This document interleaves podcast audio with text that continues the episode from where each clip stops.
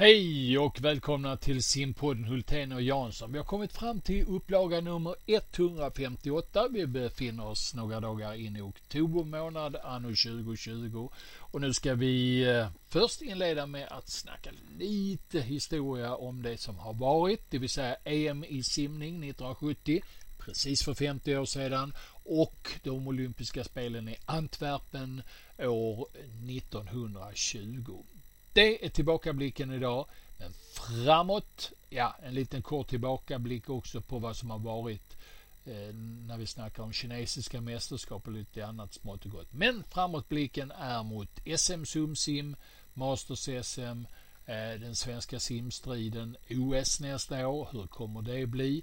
Idrott och corona mm, är lite ömtåliga saker.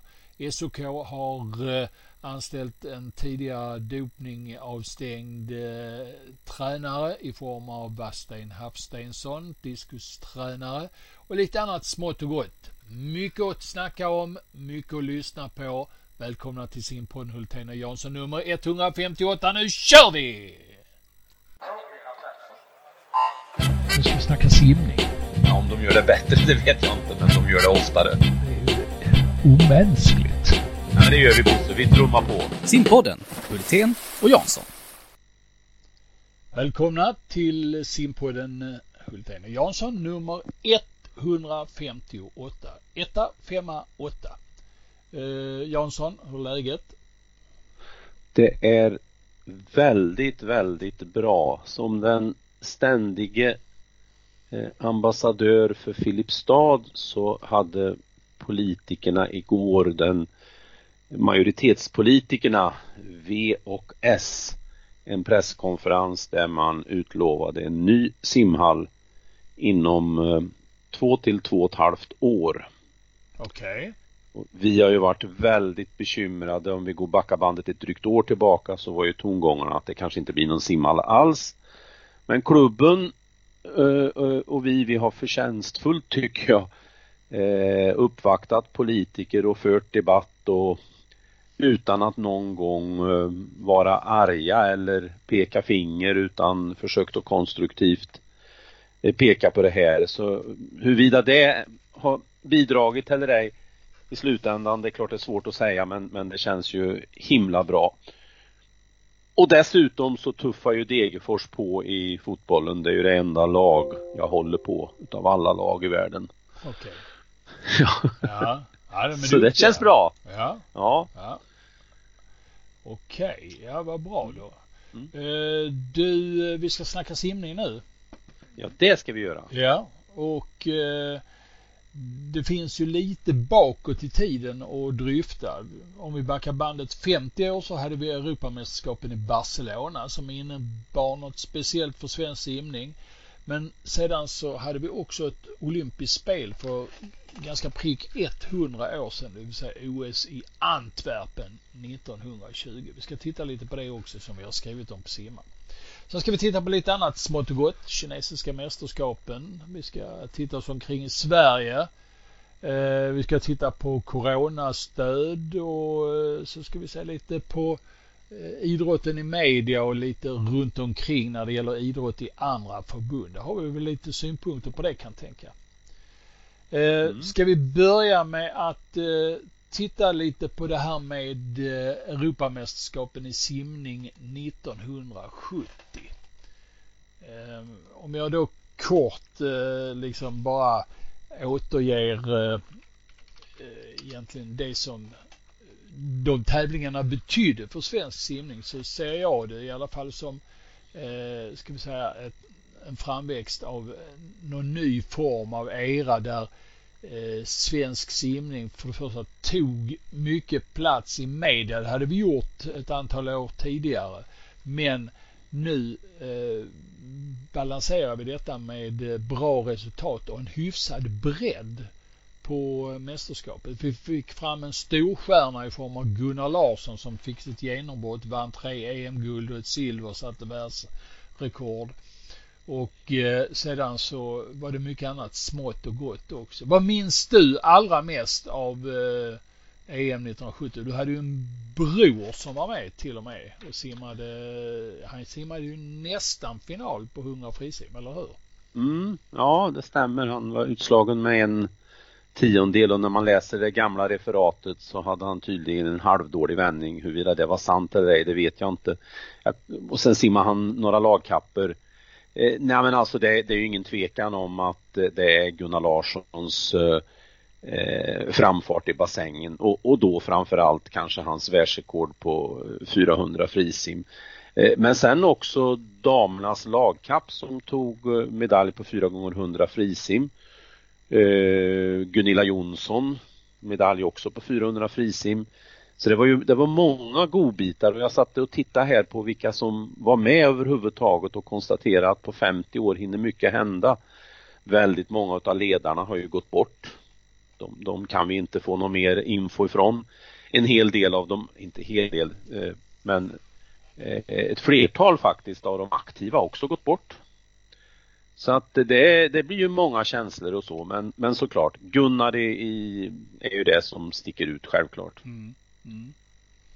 Det man kan tycka kanske det är att eh, det är lite synd att inte Bengt Gingsjö eh, hade kommit så långt fram så att eh, han eh, kunde visa sig vara en av de bästa europeiska simmarna. Det kom ju inte från ett par år senare och han fick ju inte riktigt betalt för eh, allt det han la ner i bassängen tycker jag, även om han fick OS-medaljer. Men han borde ha varit eh, en EM-medaljör vid något mm. tillfälle naturligtvis.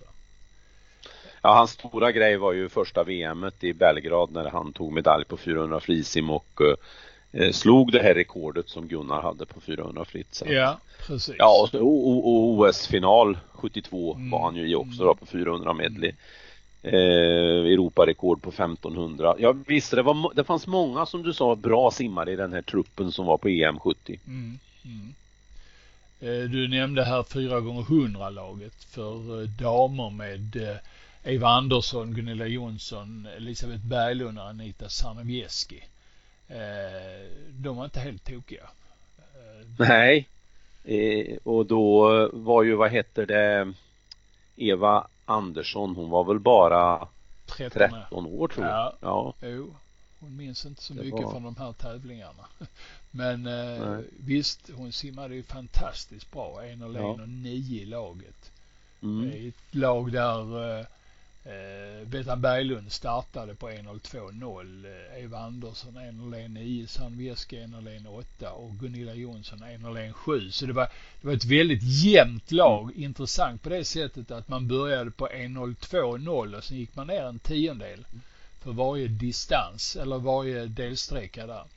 Fick stryk mm. av eh, DDR naturligtvis och eh, Ungern och de två lagen var ju, var ju i särklass. Sen var det en fight mellan Sverige, Storbritannien och Sovjet. Ja, Västtyskland också för den delen och Italien. Det var väldigt jämnt om eh, platserna bakom Me de första lagen. Medaljer och så på mästerskap då, alltså för, för det första om vi tar 1970 då fanns ju inte än ett världsmästerskap i simningen. Nej. Ett Europamästerskap avhölls bara var fjärde år. Mm. Och, och och det fanns inga kortbanemästerskap. Nej. Det innebar ju att när, när det var ett Europamästerskap i simning så var ju det gigantiskt stort i media precis som du var inne på. Det satte verkligen avtryck och man, man kunde relatera till det EM som hade varit fyra år tidigare. Vi pratade om damerna här som tog eh, medalj på 4 gånger 100 frisim. Det gjorde man också 1966 till exempel. Mm.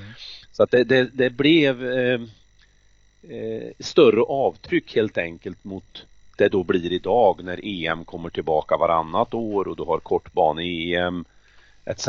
Så att eh, eh, ja, de blev lite stjärnor de här helt enkelt. Ja. Och, och kända ansikten. Mm, mm.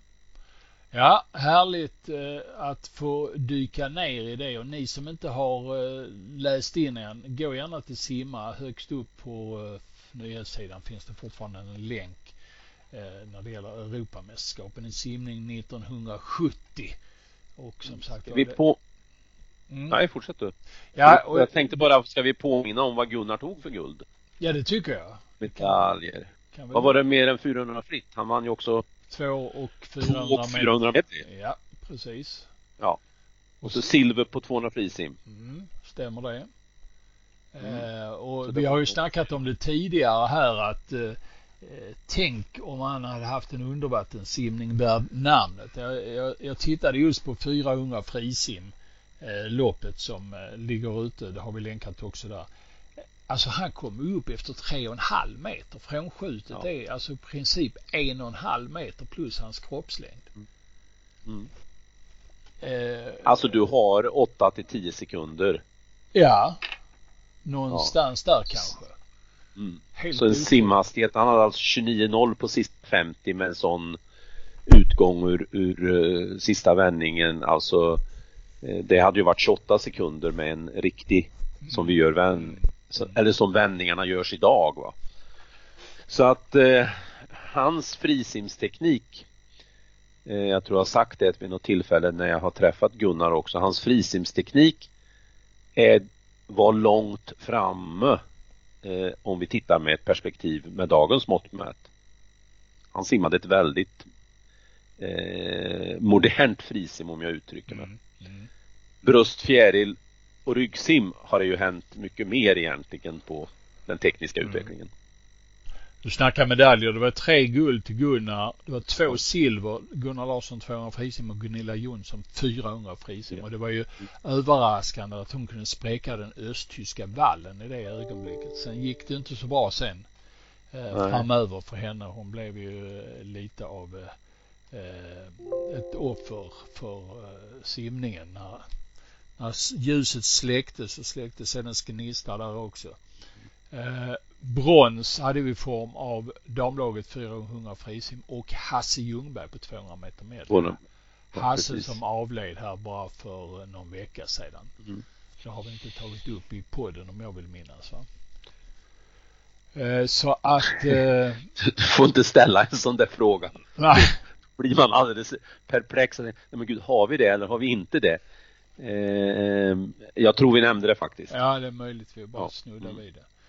Eh, I alla fall, där, där ligger väldigt mycket eh, spännande och eh, läsa om och de fantastiska reportagen som Bosse Alm eh, skrev då 1970. Bosse Alm som fanns med och var involverad i eh, eh, landslaget skrev ju också för Simsport och Göteborgs-Posten och eh, det har vi en nöjet att kunna läsa om på Simma. Mm. Och, och vi ska ju säga det att Bosse Alm då som var en av de tre tränarna som höll i det här gänget var ju en, en stark personlighet också som tränare. Och två andra mycket starka personligheter var ju förstås då Åke Lindgren, Stockholmspolisen som ju eh, också satt ordentligt avtryck, liksom Gunnars tränare eh, Lars-Erik Paulsson och de där lyckades väl ändå eh, vad, det, vad, man kan förstå hyfsat samarbeta den där perioden även om det fanns något lite gnissel har man förstått i efterhand Mm. från en del aktiva. Så är det. Mm. Du, om vi tar steget ännu längre tillbaka så eh, har jag samlat ihop en artikel om olympiska spelen i Antwerpen för precis 100 år sedan. Då tog vi ännu fler svenska simmedaljer, nämligen 11 stycken. Eh, simstadion i Antwerpen som eh, då var byggd på befästningsvallar man ska ju tänka också var i tidsperspektivet det här mästerskapet kommer in då två år efter första världskrigets avslutande. Eh, det har inte varit något OS 1916 eh, som det skulle vara utan vad man har i minnet här det är alltså Solskensolympiaden i Stockholm 1912 och så kommer vi fram till 1920 i Antwerpen. Och det är 22 länder som är med och tävlar på OS. Och det är eh, riktigt hyfsat eh, deltagande från svensk sida. Ligger ju nära till att ta sig till. Så det var ju enkelt. Och vi hade haft en hås eh, efter eh, 1912 för svensk idrott. Dessutom så hade vi ju inte varit med i det första världskriget. Så det gick bra för Sverige. Tre guldmedaljer. Eh, och jag rekommenderar ju eh, lyssnaren att eh, gå in och klicka på länken att komma till din eh, dina artiklar för den här eh, bilden av simstadion i Antwerpen är ju så himla intressant. Den är läcker. Den, är, eh, den skulle kunna ha fungerat i, i dagens simsverige också, eller sim på ett mästerskap. Så den, den är jättefin. Sen ska vi väl säga också att eh, spanska sjukan hette det väl. Mm. Hade ju också härjat hårt eh, 1918, 1919 som väl påverkade men eh, 11 medaljer imponerande. Mm. Bland, bland annat polomedalj. Ja just det, en bronsmedalj blev det. Eh, och eh, som sagt var det det här hela skedde ju i, i eh, skuggan av andra världskriget och pandemin eh, med spanska sjukan. Och det var ju så att den här spanska sjukan den hade ju en topp i mars 1918 och sen eh, också juni 1920. Så att precis när OS ska, eh, ska börja så eh, blir folk sjuka. Det är 500 miljoner människor som blir sjuka och 10 procent av eh, de här dör alltså. Så det är ju en alltså det är ju fruktansvärd pandemi. till exempel att jämföra med det som är idag. Nu ligger vi och balanserar strax över en miljon döda. och den gången hade vi alltså 50 miljoner döda som sagt var, det, det, var lite skillnad. Och 500... Sjuk, sjukvården har gått framåt? Eh, sjukvården har gått framåt och simningen har gått framåt. Ja. Eh, men roligt är att läsa om eh, till exempel Håkan Malmrots eh, två guld. Han fick ju de gulden kan man säga inte till skänks för det ska jag definitivt inte säga för att han, han var väldigt duktig men han hade haft större Eh, problemet tog Tor Henning, bronsmed eller silvermedaljören både på 2 och 400 meter bröstsim. Denna Henning hade varit i riktigt full vigör. Han hade ju slagit Malmrot rätt så rejält på SM tidigare.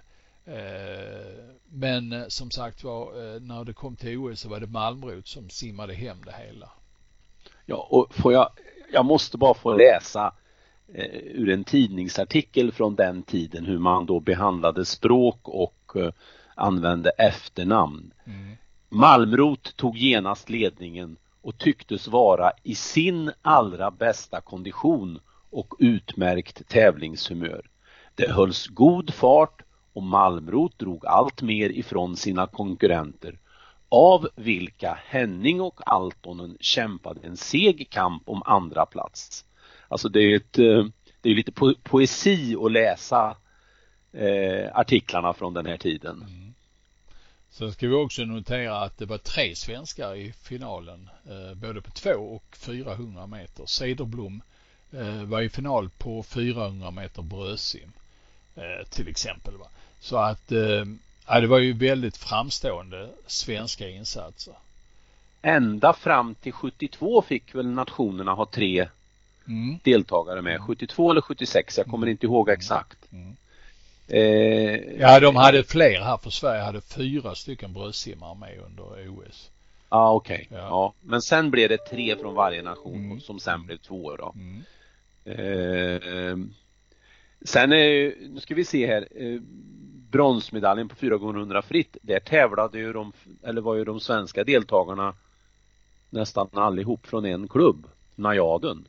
Ja, i finalen. Aina Berg, Najaden. Ja, det var Karin, Karin Nilsson och Jane Gylling, Najaden och sen var det en Malmö-kvinna. Emmy Makarov, ja.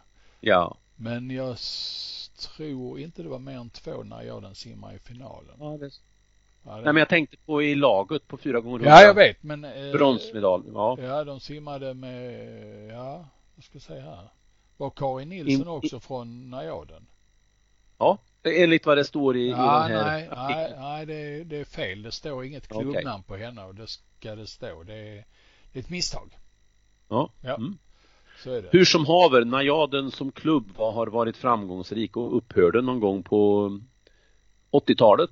Ja, övergick GKK Najaden. Ja, GKKN och sen så blev eh, till slut allt det här eh, Göteborgs eh, kaps, nej vad blir det, vad heter det, Göteborgssim. Göteborgssim. Mm, ja, ja för resten de två gick ju i konkurs ja. strax efter 100 års dag.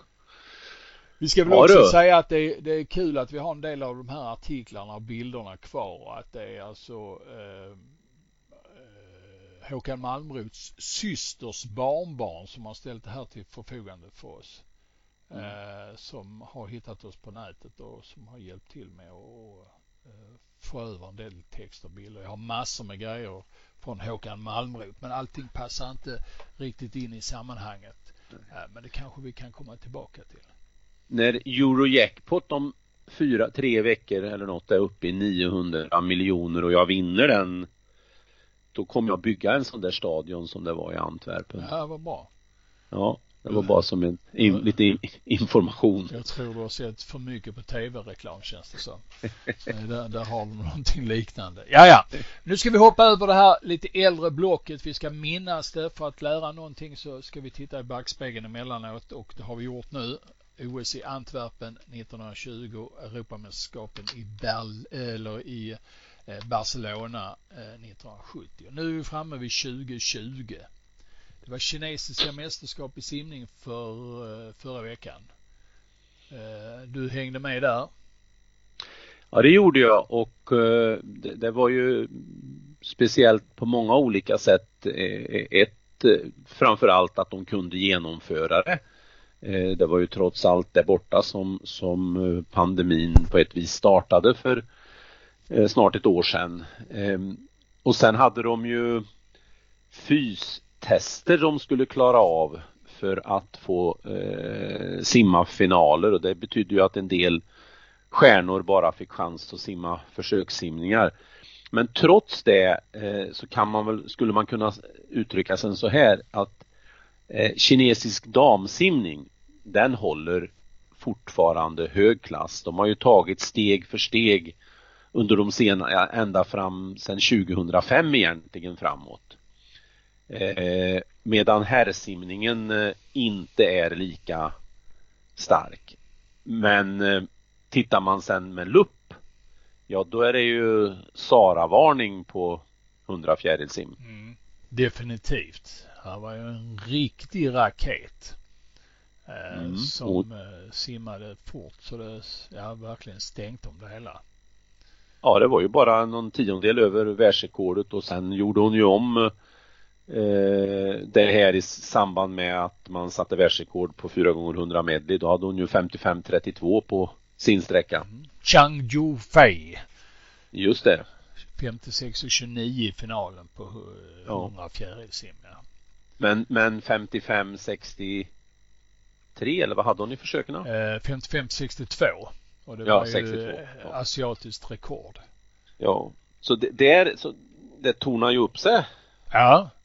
Lite, vad heter det nu, medaljkandidater på Saras distans. Ja. Dessutom är hon ju bra på frisim den här tjejen. Hon har ju varit bra eh, asiatisk mästarinna på 100 och 200 fjäril tidigare men nu simmade hon ju fort även på 100 frisim 52,90 eh, som var nationsrekord.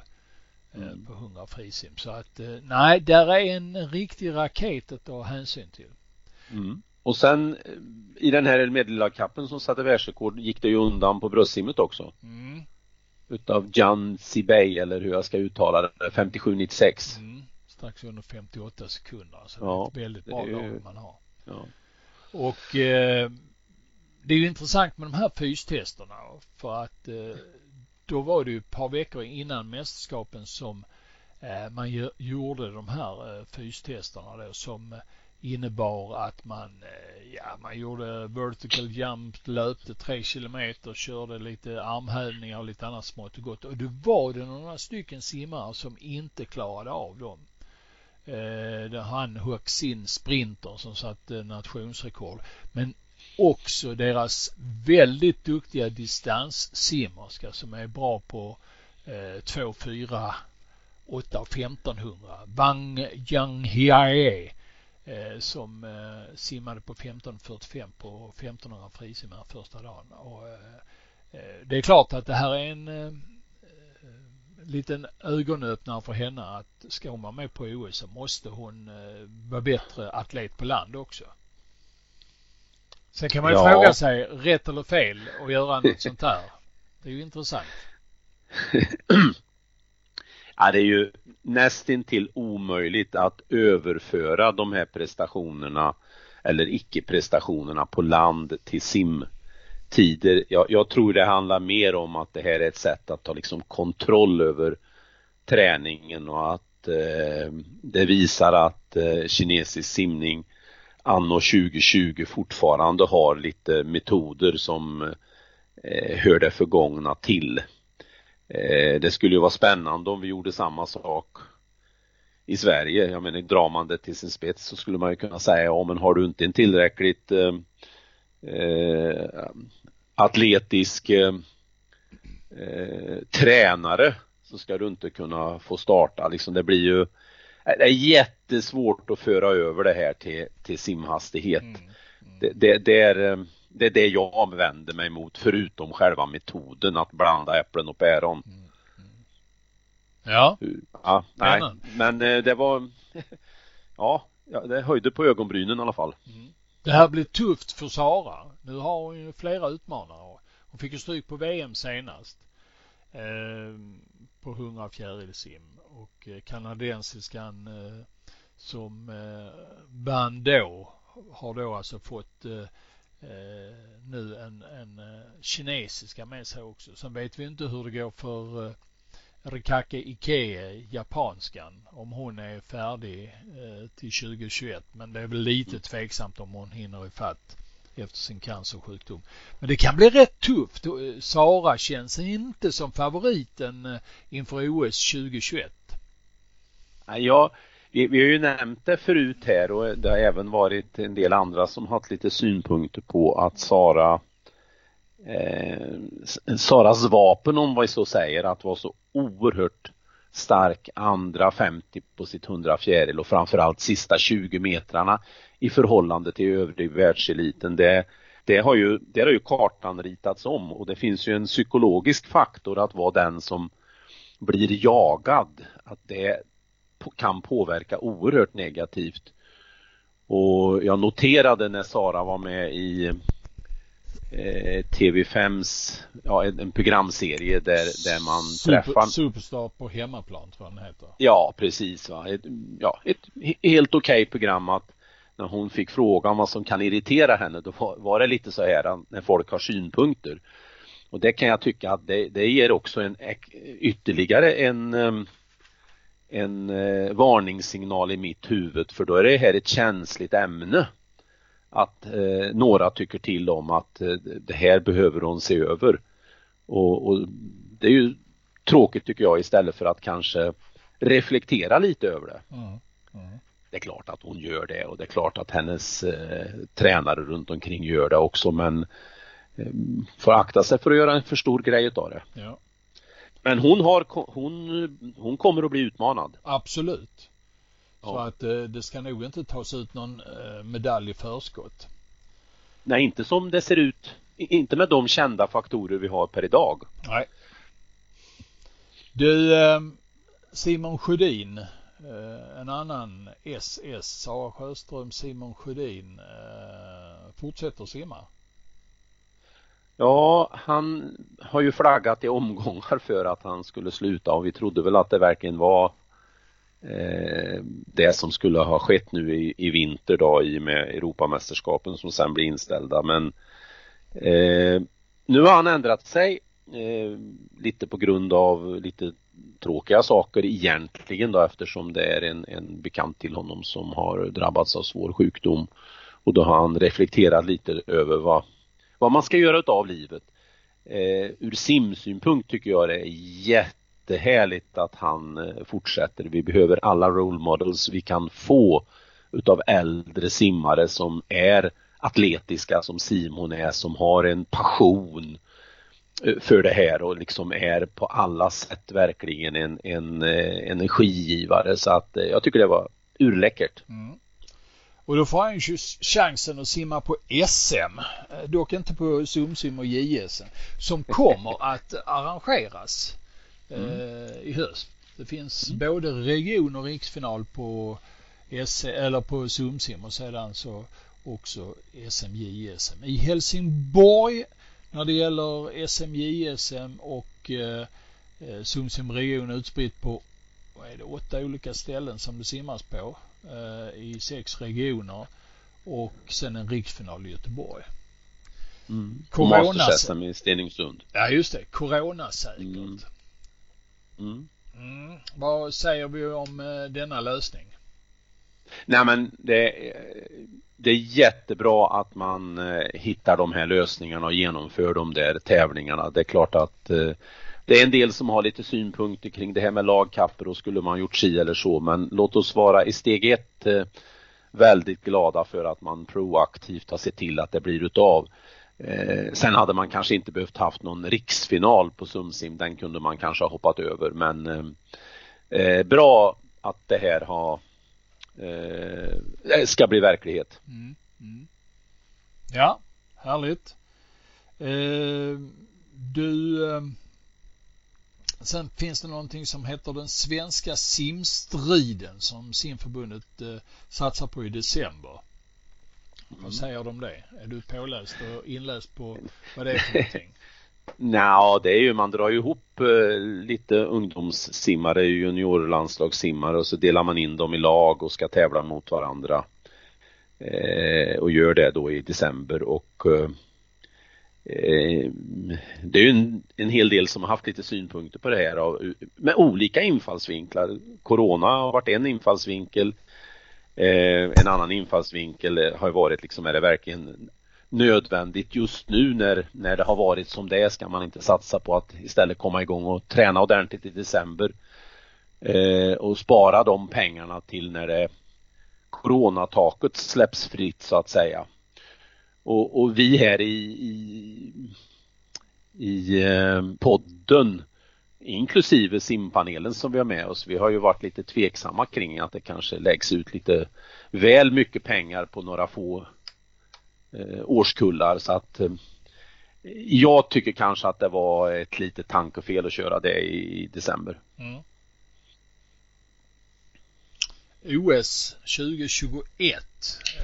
Det flaggades ju för igår, tror jag det var i media, Gunilla Lindberg, den svenska OS-delegaten. Hon eh, säger att eh, OS kommer att bli av och vi har både plan eh, B, C, D, och E och F när det gäller vad som kan hända. Vad tycker vi om det? ställer jag frågan till mig själv först. Eh, men du kan svara, inleda och svara. Ja, alltså eh, jag, jag, tror man måste dela in den här informationen i, i, i, några bitar. Jag tror dels att det finns en, en taktisk del i att SOK, eller IOK så tydligt markerar till, till idrottsvärlden att OS ska bli av. Det kommer man göra eh, med full styrka ända till den dag ett nytt beslut tas. Alltså de vill inte signalera någon sorts tveksamhet. Eh, så det är, ju, det är ju den ena taktiska biten. Sen, sen, tror jag man på fullt allvar ändå eh, ser lite olika lösningar. Man, man har ju lite att jobba emot. Folkopinionen i Japan har ju lite grann svängt till exempel. Eh, vi vet ju idag inte riktigt vart tar den här vägen i nästa steg med, med Corona etc. Så att även om nu man har gått ut och så tydligt pekat att det ska bli utav, vilket jag kan tycka kanske eh, det är så man måste göra i den sits man är. Eh, men eh, jag är inte så säker på att det blir OS nästa år. Nej, och det är inte jag heller. Och blir det ett OS så vet inte katten om det kommer att sitta några folk på läktaren. Jag tror man kommer minimera det så mycket man någonsin kan. Eh, har jag en känsla av och låta de här idrottsmännen finnas i en bubbla och inga tv-kommentatorer på plats, bara ett kamerateam och, och så kör man det som man kör idrott eh, nu helt enkelt med, med mm. tomma läktare. Ja. Ja, så, så kan det mycket väl bli men eh, jag menar månaderna rullar på någonstans om, vad ska vi säga, sex månader. Mm. Då måste man i princip, precis som man gjorde i år, fatta ett beslut som är helt avgörande mm. egentligen. Mm. Du, eh, nu ska vi ta en liten paus. Eh, jag ska ladda min kaffekopp och eh, vi ska skölja örat med en kort jingel också så kommer vi tillbaka. Men som sagt var, just nu är det drag i kaffetarmen så att jag tror att jag går en våning ner och hämtar lite kaffe innan jag kör vidare. Strax tillbaka. Nu ska vi snacka simning. Ja, om de gör det bättre, det vet jag inte, men de gör det oftare. Det är ju omänskligt. Ja, men det gör vi Bosse, vi trummar på. Simpodden, Hultén och Jansson. Med eh, en eh, flabb kaffe som de brukar säga i vissa valda delar av landet så ska vi nu inleda den andra delen av eh, simpodden Hultén och Jansson, nummer 158. Eh, corona påverkar idrotten. Det har, har du kanske märkt som lyssnare. Eh, och nu ska det pumpas ut nya pengar till eh, coronastöd bland idro till idrotten. Och då var det ju ett eh, möte häromdagen mellan specialidrottsförbundens ordförande. Där var ju också eh, representanter från Folkhälsomyndigheten. Det var eh, RF-basen som nu det bara eh, det föll bort. Eh. Björn Eriksson. Björn Eriksson naturligtvis. Eh, som fick en del påskrivet om att han för lättvindigt släppte iväg coronapengar till fotboll och ishockey tidigare. Där de fick styra lite för mycket. Däremot så fick de andra specialförbunden inte tycka till lika mycket som just de här stora idrotterna Björn Eriksson blev överkörd eh, av eh, de stora idrotterna i det här fallet. Och pengarna gick eh, som man kan tro till en del införskaffande av spelare som inte var speciellt togs emot så speciellt väl. Vi ska inte peka ut speciella lag i det här men de som de som känner till fotbollen vet vilka som missbrukade pengarna.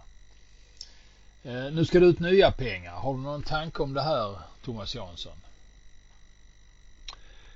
Ja, till att börja med eh, en kommentar kring de pengar som gick ut förut och eh, generellt kring pengar som ska ut så tycker jag man för lite har tittat på organisationer och klubbarnas, eh, för det är ju ofta också aktiebolag, deras egna kapital.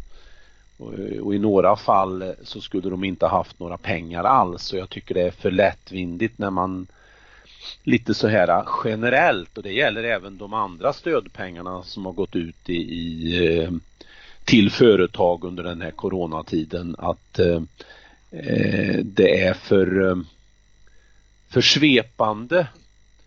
Eh, och jag, jag, inser kanske att det är väldigt komplext att göra på ett annat sätt men i idrottens fall där då idrotten från början har nyttjat väldigt mycket skattme skattepengar för att överhuvudtaget finnas till och sen bolagiserar man och sen kan man då räddas trots att man egentligen borde kanske skära i sin verksamhet. Eh, så jag tycker det är jättebra om det nu blir som så att det blir en annan inriktning. Och man har ju pratat om att det ska vara en jämställdhetstanke med det här. Så att eh, mycket högre andel utav pengarna handlar eh, kommer i kvinnlig idrott till, till nytta. Och eh, jag tycker ju egentligen inte att de där lagidrotterna som har eh, högavlönade idrottsmän och så vidare. Jag, jag, tycker de ska få finna andra lösningar för mm. att hantera det. Så att jag tycker det är bra om det blir verklighet men du får ju inte svära i radion.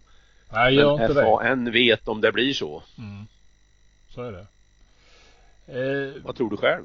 Jag eh, tror att det kommer att spela över och missbrukas det här också. Det finns väl inte något stöd i samhället som inte på något sätt eh, eh Eh, får problem med, med, med missbruk. Men å andra sidan sett så, så tror jag att det finns en, en högre eh, alltså att man har skruvat upp moralspärren här nu när det gäller att ta pengar. Eh, och jag hoppas och tror att det är så för att nu har man ju verkligen pekat på att pengarna har hamnat på fel ställe i första rundan. Och, och eh, som sagt var, det, jag tror inte det kommer att bli hundraprocentigt rätt denna gången heller. Mm. Alltså man, jag, jag, jag, tror ju det är väldigt viktigt att vi värnar idrottens själ i Sverige. Att det, det är ju möjligt att det på ett längre perspektiv många år framöver inte alls kan vara ett sätt att bedriva idrott för att hänga med i världskonkurrensen. Det, det, det må så vara men så här långt så har ju den här idrottssjälen som består i väldigt mycket idealitet som består i att det finns väldigt mycket tillgång till eh, idrottshallar, simhallar och möjligheter att utöva det här och eh, den själen får inte liksom tycker jag försvinna till förmån för eh, bolagiserade föreningar och fullt ut bara kommersiell idrott. Absolut inte, men jag tror att vi är på väg eh, åt, ska vi säga, ett vägskäl där man politiskt, både idrottspolitiskt och politiskt övrigt, måste ta mer hänsyn till eh, hur pengarna ska in i idrotten och organisera idrotten på ett sådant sätt så att eh, eh den lever i nuet på ett annat sätt. För som det är just nu, de pengarna som inte är så jättestora pumpas ju in i eh, de tärande delarna av idrotten så att säga. Vi behöver bara titta på vår egen idrott och se hur pengarna eh, går runt från närande och till tärande eh, delar inom vår idrott. Va? Så är det bara. Där måste, vi, måste man hitta en organisation som fungerar bättre simningen är definitivt inte eh, fri från att missbruka pengarna inom ramen för sina egna väggar. Så att eh, eh, nej, det är väl så att man är sig närmast eh, själv så att säga och eh, vill ha pengar till sin verksamhet. Men när man går över de här etiska gre- gränserna då, då, då blir det problem. Mm. Mm. Du, vi tittar... Nu blir det tyst. Det, nej, det blir inte tyst. Eh, men det kan bli tyst eh, om eh, eh man börjar köra en bil eh, med elmotorer.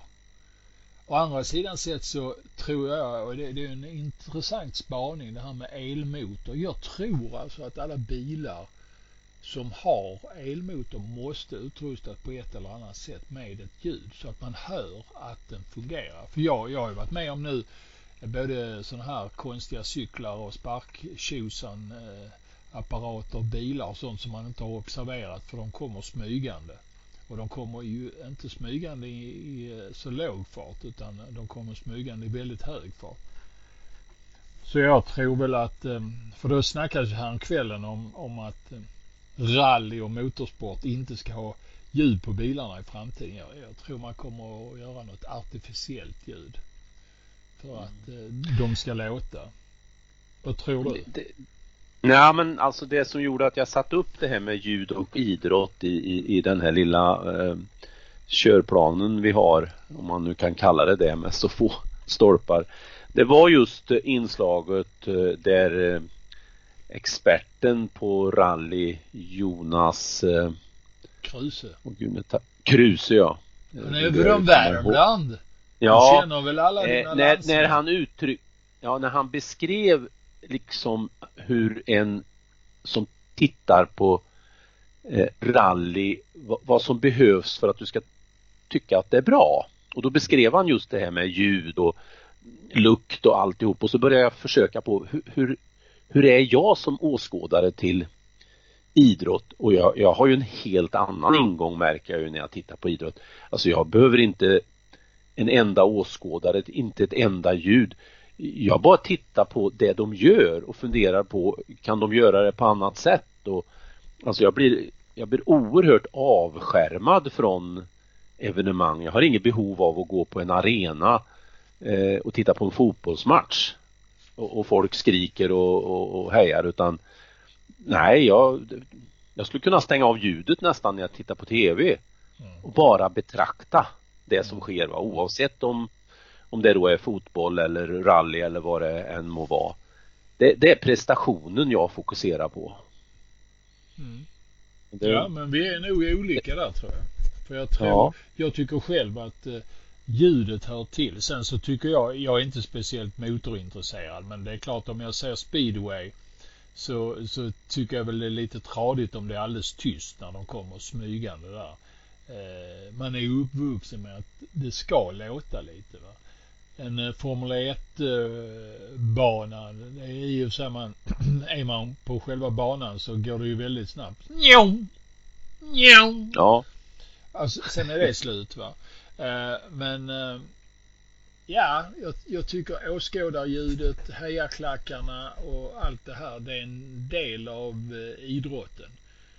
Och absolut är det så efter att ha jobbat som speaker många gånger i, i livet så att säga.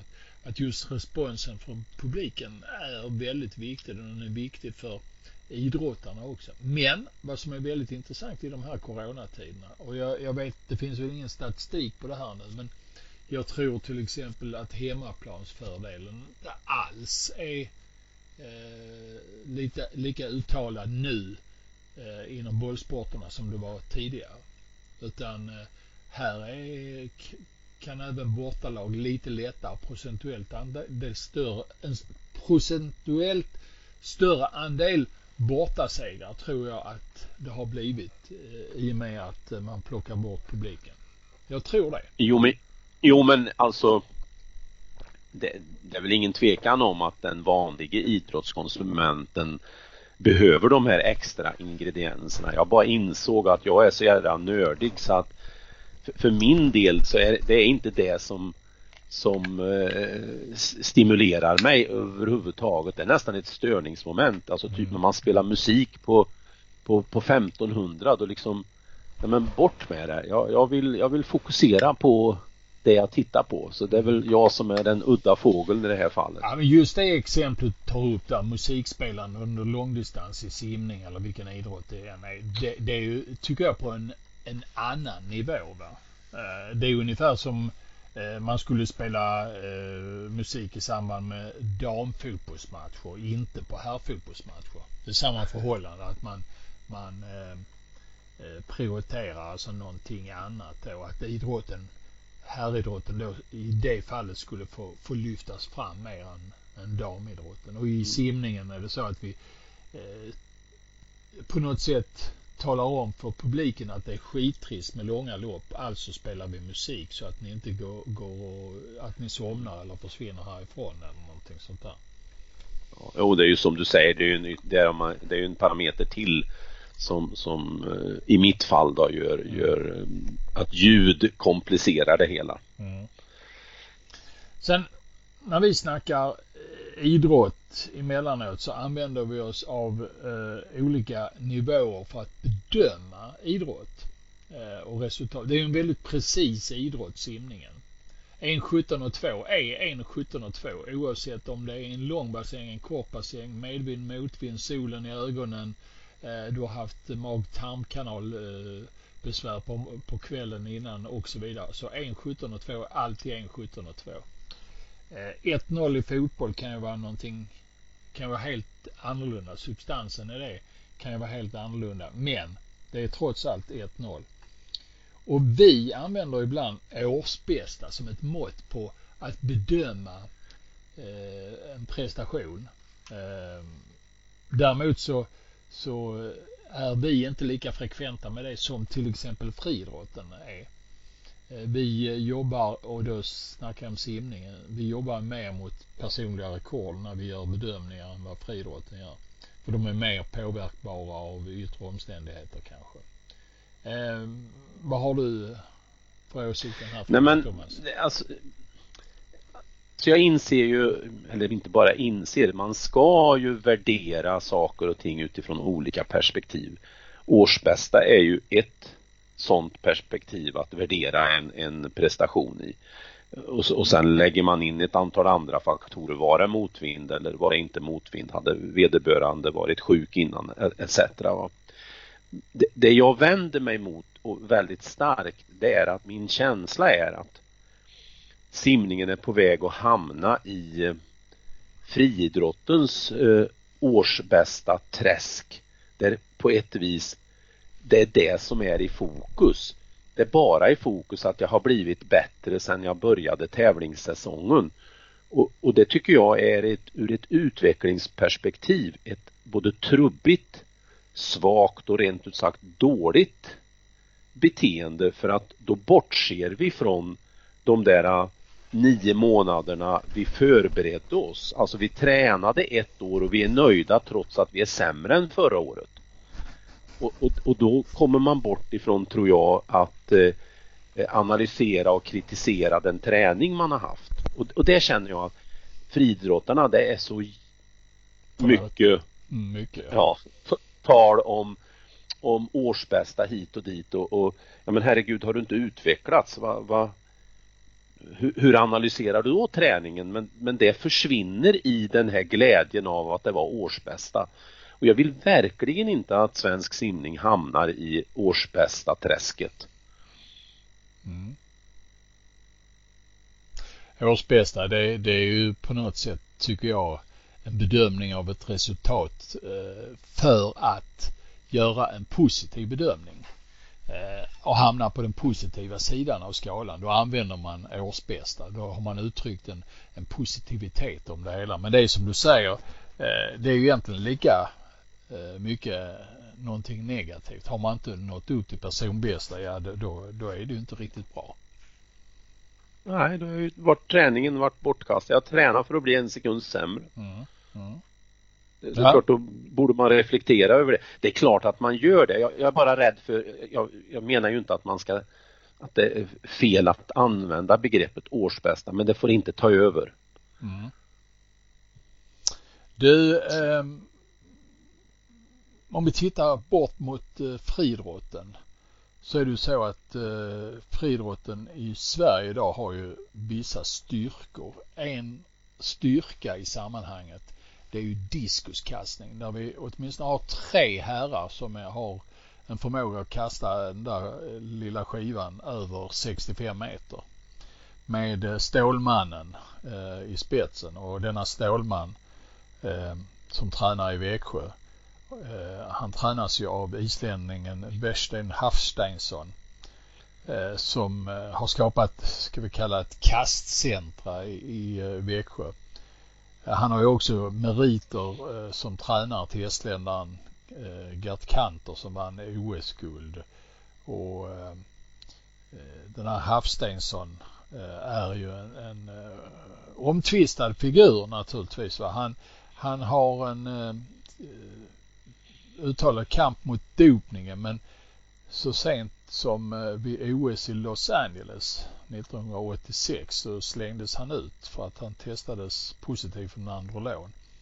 Och hur hänger det samman då med eh, att han nu är engagerad i SOK, SOK som oftast eh, framför eh, eh, och spetsar till det att man, man vill ha livstidsavstängningar för dopning. Dessutom så kan man väl tycka att han hade eh, haft lite konstigt beteende vid sidan om banan också när han eh, eh i våras eh, bar sig rätt så underligt åt. Din synpunkt i sammanhanget? Ja, det är faktiskt ganska många synpunkter därför att om vi börjar med det här beteendet när säsongen drog igång och en av hans adepter då stålkastade eh, svagare än man hade tänkt sig så var han, gjorde han ju verbala attacker som är så långt ifrån vad en idrottsledare ska prestera. Det var ju rena rama liksom Zlatan-uttryck som det hör inte hemma i en bra och ordentlig eh, idrottsvärld. Eh, bara där så blir, blir man i mitt huvud diskvalificerad egentligen för att vara landslagstränare. Och nu då går då SOK in och engagerar honom eh, utan att liksom blinka över de, de här sidorna. Och, och, när man, eh, då, och då, då, är det intressant tycker jag ur ett SOK-perspektiv hur de gärna vänder kappan efter vinden. De har ju engagerat på styrkesidan sådana som har varit dopingavstängda tidigare Eh, de hade inga bekymmer med att eh, ta in Pichler trots att han var över när det här stora ryska hände men han fick liksom en, en friväg där. Eh, nåde om det hade, om inte Pichler hade varit, eh, haft något med Sverige att göra då hade ju han varit eh, portad ifrån många sammanhang. Och just den här eh, att vända moralen lite som det passar situationen som jag tycker då SOK i viss mån gör här. Det tycker jag är, det är illa. Sen tycker jag generellt sett, vilket då blir lite motsägelsefullt, jag är ju inte alls för livstidsanstängningar. Jag tror inte alls det är bra för ett samhälle att ha varken livstidsstraff, dödsstraff eller något sånt utan vi måste kunna ge folk en andra chans. Va? Så det, det har jag inget bekymmer med. Men jag blir jätteförvånad när man engagerade honom just mot bakgrund som du nämnde. Han har själv varit utslängd ur en OS-by på grund av doping. Han betedde sig väldigt illa. Varför engagerar man en sån? Mm. Märkligt. Ja, men det är, det är ju att uh, lyfta på alla stenar och ta tillvara precis allting och då uh, sätts etik och moral vid sidan i sammanhanget naturligtvis. Ändamålet helgar medlen. Helgar medlen, ja. ja. Så är det väl. Det, jag, jag tycker det är lite illa. Mm. Sen, sen um, vet inte jag på vilket sätt man, man eh, ska värdera en, en tränare i diskus. Jag, jag försökte googla och få fram hur många kan det tänkas vara i Sverige som, som ger sitt liv av att bli diskuskastare. Hur många kan det vara ute i Europa? Det är ju, det är ju trots allt ganska europeisk idrott men några liksom är det en tillräckligt stor kritisk massa för att kunna veta att just hans metoder är de bästa? Mm. Ja, jag vet inte. Jag blev förvånad i alla fall. Ja. Jaha, du. Eh, det var en bit eh, på vägen det här. Och ja. bit på vägen och då menar jag fram till eh, vår 200 podd. Ja. Vad säger du? Vi, ja, det är, det är lite spännande. Nu skulle jag behöva fylla på kaffet. Ja. Eh, så är det väl ibland att vi behöver det lite till mans. Eh, det känns väl som vi har eh, lyft ur det mesta ur den här guldfiskskålen när det gäller simning idag va? Och är det någonting mer som du tycker att man ska snacka om? Ja, jag tycker ju att vi ska försöka sätta ner på pränt lite våra tankar kring saker som vi har kritiserat och tyckt kring och, och eh, lite mer officiellt än i en podd mm. lägga ut lite tankar. Ja, ska vi göra det närmaste veckan? Ja, det tycker jag. Ja, ja men då gör vi det. Det vill säga eh, simpodden Hultén och Jansson skriver ett eh, öppet brev till Svensk simning eller någonting ditåt. Mm. Ja. ja, men vad spännande. Det finns det anledning för er att eh, läsa i alla kända medier eh, om just detta eh, och det kommer väldigt snart. Fram tills ni har sett det så kommer vi i våra röster och vara lagom tysta. Vi kommer tillbaka om någon vecka i simpodden Hultén och Jansson då med upplaga 159. Tills dess så får ni tya er som man säger i Skåne. Så att eh, vi ses och hörs. Tack för idag. Slut för idag och adjö. Nu ska vi snacka simning. Ja, om de gör det bättre det vet jag inte, men de gör det oftare. Det är ju omänskligt. Ja, det gör vi Bosse. Vi trummar på. Simpodden, Hultén och Jansson.